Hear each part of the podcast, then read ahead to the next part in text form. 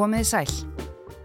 Það er óábyrt að láta Sigriði Hagalín flytja fréttir af mögulegu gósi þar sem hún spáði fyrir hamförum í bókinni Eldarnir, Ástin og aðrar hamfarir þar sem eldsvirkni byrjar á Reykjanesi sem leiðir til alls konar hörmunga. Þetta stendur á samfélagsmiðli og er líklega skrifað í léttum tón. Skrifari veit, öruglega, að það er alls ekki óábyrt. Sigriður Hagalín Björnsdóttir er eitt reyndasti fréttamaður rúf og það vil bara svo til að hún er líka reytöfundur sem hefur meðal annars skrifað skáldsögu um eldsumbrot á Reykjaneskaganum.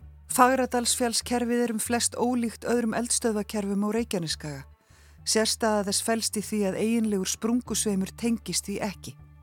Að frátöldum stórdingjum eru 30 til 40 smáfell í Fagradalsfjallskerfinu Seks þeirra, þar á meðal skála mælifell, er úr öfugt segulmögnuðu ólifin ríku bergi.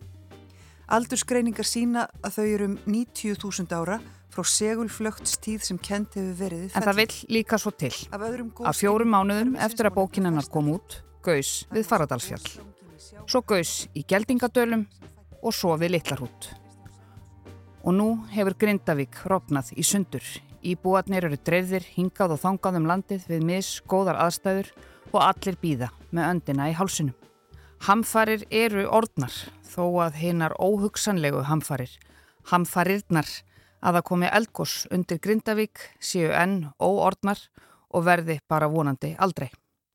Sigriður Hagalín hefur flutt fréttir af Grindavík undanfarnar daga, heitt fólkið við þessar fáránlegu aðstæður og hort ofan í jörðina þar sem kvikan kraumar.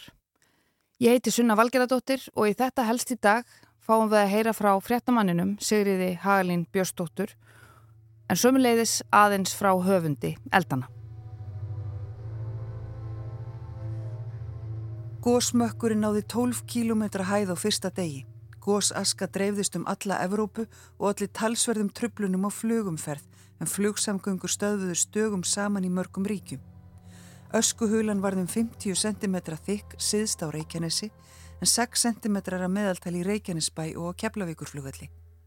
Lægið varðum 2 cm á höfuborgarsvæðinu en sandfóks og svigriksmengunar gætti í marga mánuði eftir að gósinu laug. Anna Arnardóttir, Kerlingargósið.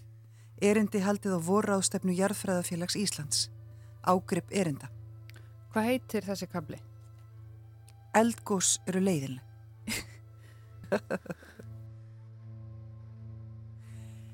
sko þau geta náttúrulega orðið það ef þau, ef þau standa lengi og, og, og, og fólk þarf að, að eiga við þessa þessar erfiðu aukaverkanir eins, eins, eins og öskufall og náttúrulega á undan þessa jærskjálta og óvissu getum við sagt. Föla stúlkan frá ríkisútvarpinu sem að horfir á þig stórum augum og spyr, ekki þig, önnu og spyr hvort þetta sé ekkit hættulegt. Og þú mútt lesa. Hættulegt.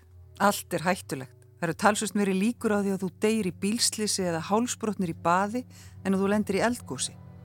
Og eldvirknin hér á skaganum er því alltaf mjög hættuleg. Hún geti valdið alls konar veseni aðal út af jarðskorpurreyfingum.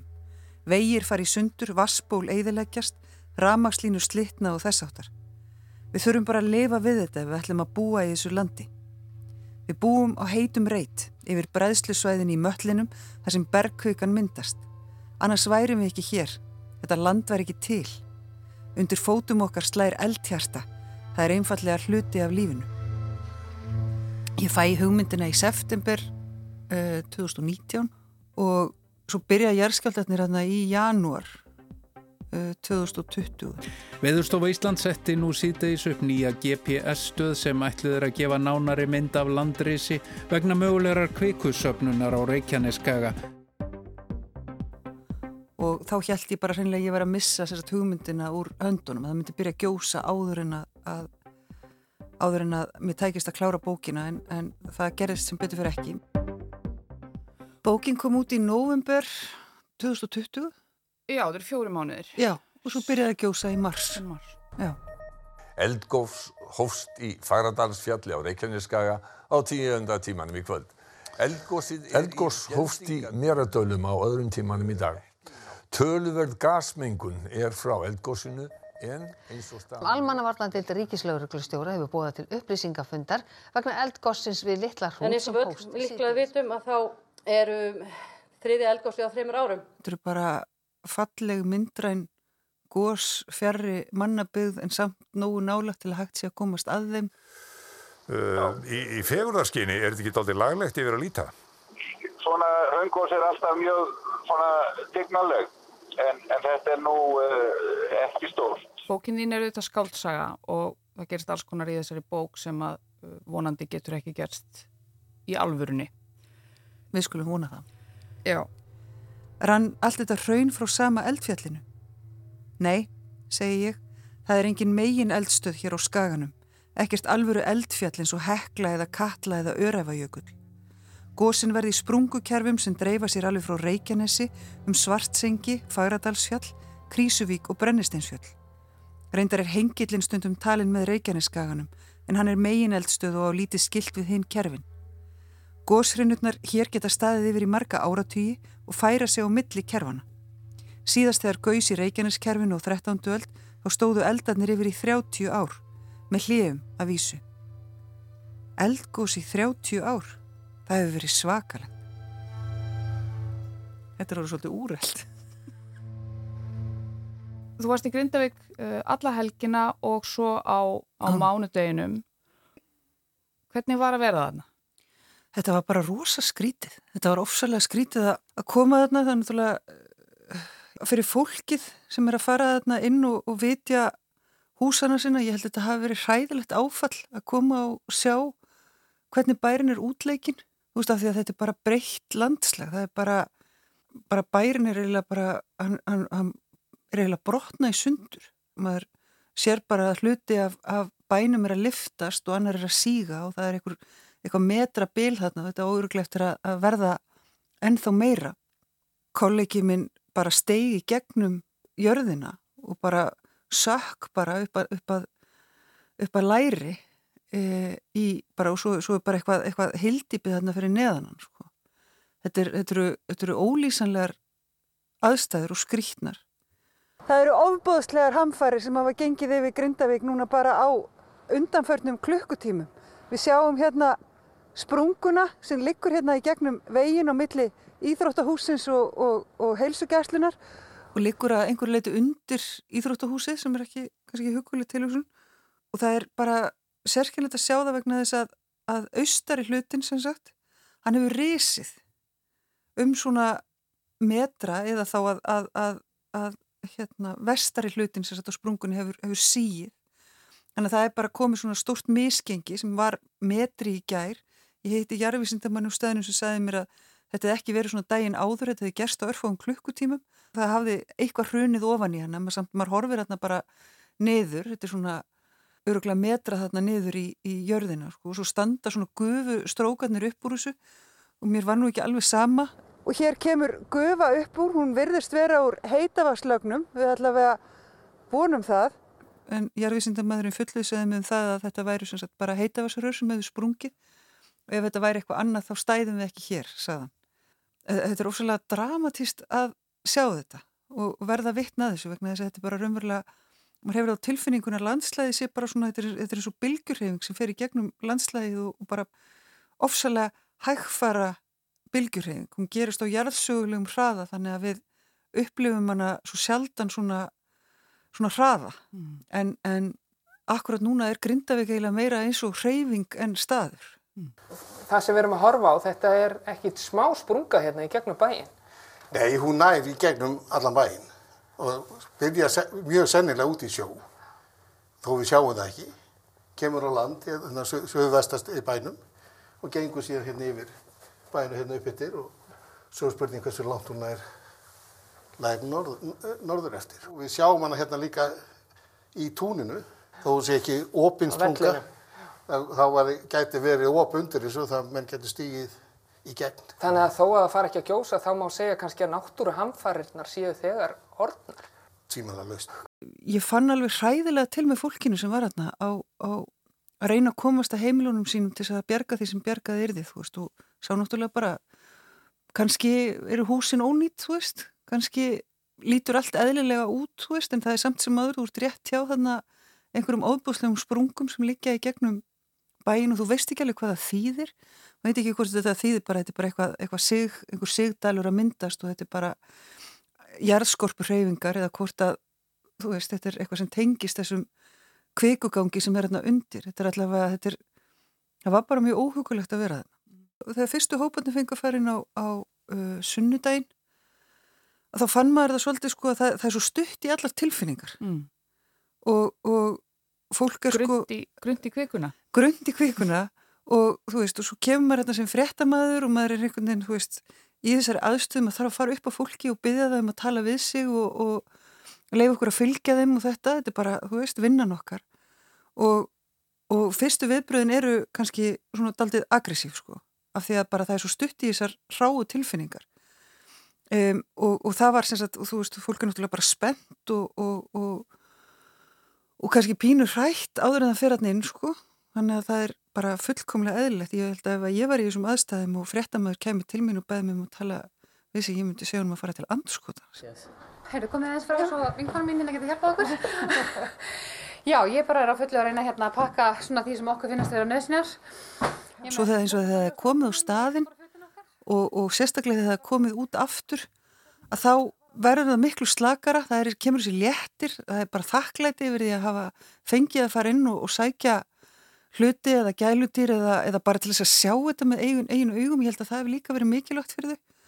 Og þá er eins og þau væri sko miklu opnari fyrir því að tala við okkur hefðu jáfnvel bara þörf fyrir því margir að, að þörf fyrir það að, að tala um þessa, þessa reynslu. Og ég bara dáist að þessu fólki hvaða var uh, örlátt og gaf sér tíma til þess að tala við okkur í þessum aðstæðum.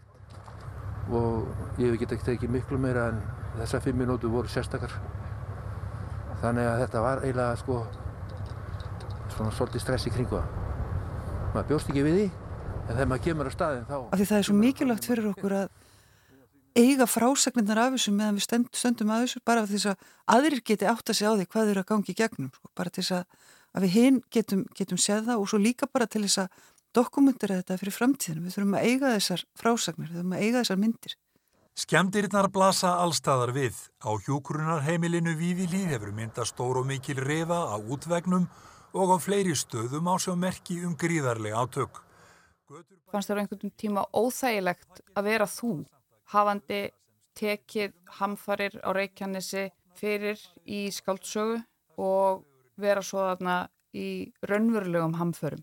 Fannst þér það óþægilegt? Nei, ekki þannig. Ég held að, þú veist, ég, það er alveg, það er ofsalega skýr mörg á milli reytöfundarins og, og fréttamannsins í, í mér. Það er alveg, það er svona, þetta eru alveg tvö ólík faratæki, sko. Og kannski bara er það kostur að einhverju leiti að vera búin að fara í gegnum þetta, þú veist, í, með ímyndunaraflinu, þú veist, að, að, að hugsa sér í gegnum það hvað gæti mögulega gerst og hvað, uh, hvaða áhrif þetta getur haft á bara líf og tilfinningarleg fólks að vera í þessum aðstæðum. En ég, ég eiginlega bara skamt sem áður sko, ég held að ég hef ekki ímyndunarafli, ég hef ekki getað ímyndað mér þessar aðstæður í Grindavík í gær, ég held að að, að hérna þessi sena til dæmis, ég held að ég hefði ekki skrifað henni í skáldsögunum minni, ég held mér hefði þótt hún bara ótrúverð mm. hún er einhvern veginn, sem þú með raunveruleikin bara miklu ótrúlegri heldur en skáldskapur Reykjanesryggur hefur skolfið í þrjár vikur. Hann hefur auðvitað alltaf verið á hreyfingu, alveg frá því að jarðskorpan tók upp á því að gliðna í sundur fyrir 66 miljónum ára og Noregur og Grænland hófuð hægarsiklingu kort í sína áttina. Ekki nýtíðindi sjálfu sér en undanfarnar daga hafa kipirnið við elda í hardnað og upptökinn færst nær landi. En ég held að sé, það er bara eitt af þessum spurningum sem stöndum fram með fyrir núna. Ég er bara uh, hvað verður um Grindavík eftir þessar hamfarir? Það verður alltaf mjög áekifullur. Hver er framtíð Grindavíkur? Það er kannski fyrsta spurningi sem kemur upp í mínu huga. Og svo kannski í stærra samengi, þú veist, ég meina við þurfum núna á, sem búum á Reykjaneskaganum, hvort sem það er á höfuborgarsvæðinu eða í Keflavík eða, eða Grindavík eða hver sem er, við þurfum að, að bara læra að lifa með því að hér verði líklega eldgós einu sinni tvisvara ári næstu áratugina mm. og þú veist, og þurfum við eitthvað að, að breyta einhvern veginn okkar, okkar sambandi við landið eða þú veist, þurfum við að flytja þennan flugvöll, þú veist, er sniðugt og svona margir búið hérna á, á akkurat þessum bletti þegar þetta getur skotist upp svona á alls konar stöðum.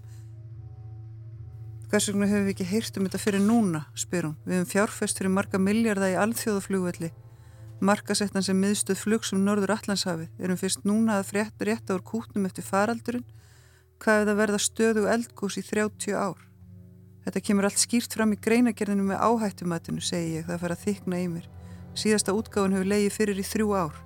Svo hefði þetta nú kannski bara átt að liggja augum uppi við búum á virkri eldfjalla eigu þar sem gísa meðaltal á fjögur ára fresti. Hvaðan heldur allt þetta hraun hafi komið sem flugvöldurinn stendur á? Þetta eru milljarðar sem eigi eftir að fara í að segjum þetta hætti bara núna þá þurfum við að, að laga þetta. Að, ég meina þú veist, þetta er eiginlega, þetta eru eiginlega stór hluti af, af byggingunum og húsunum sem eru á allavega þarna á þessum bletti í, í í, í bænum sem sagt, bara sem er eiginlega bara minna, sprungan liggur í gegnum bara miðjan bæin þar sem byggðin er eiginlega þjættust og þetta eru bæði ofinbæra byggingar, þetta eru líka bara hús sem fólk býr í og þá erum við ekki að tala um sko, það er náttúrulega fullt af, af fyrirtækjum sem ég veit ekki hvernig, hvernig ástandið er á sko. mm. þetta var einhverju leiti bara laga með, með, með, með skattfið en svo eru bara spurningar, minna alltaf bankarnir að, að að þú veist hjálpa fólki, ég meina fólk er að borga af eignum sem eru augljóslega ónýtar og verður aldrei búið í aftur menn bankakerfið á einhvern nátt hjálpa til við að takast á við það mm. uh, þú veist þannig eru stórfyrirtæki eins og Bláa Lónið og, og, og HS Orka sem eru, eru enga fyrirtæki munu þau á einhvern nátt hjálpa til við upp, uppbygginguna ég held að séu bara það eru alls konar spurningar sem vakna um það. Þetta er allavega verkefni sem við stöndum öll frammefyrir, bæði fólki í Grindavík líka bara allir Íslandingar við þurfum að taka þátt í því að ákveða hvernig framaldi verður og hvernig við hugum þessari uppbyggingu Sagði Sigriður Hagalín Björnsdóttir þegar ég hitt hana í gerðmorgun þriðju daginn 14. november Hildur Guðnadóttir leik undir á stöku stað en ég heiti Sunna Valgeðardóttir og þakk ykkur fyrir að leggja við hlustir í dag Þetta helst verður á sínum stað á morgun og við heyrumst aftur þá.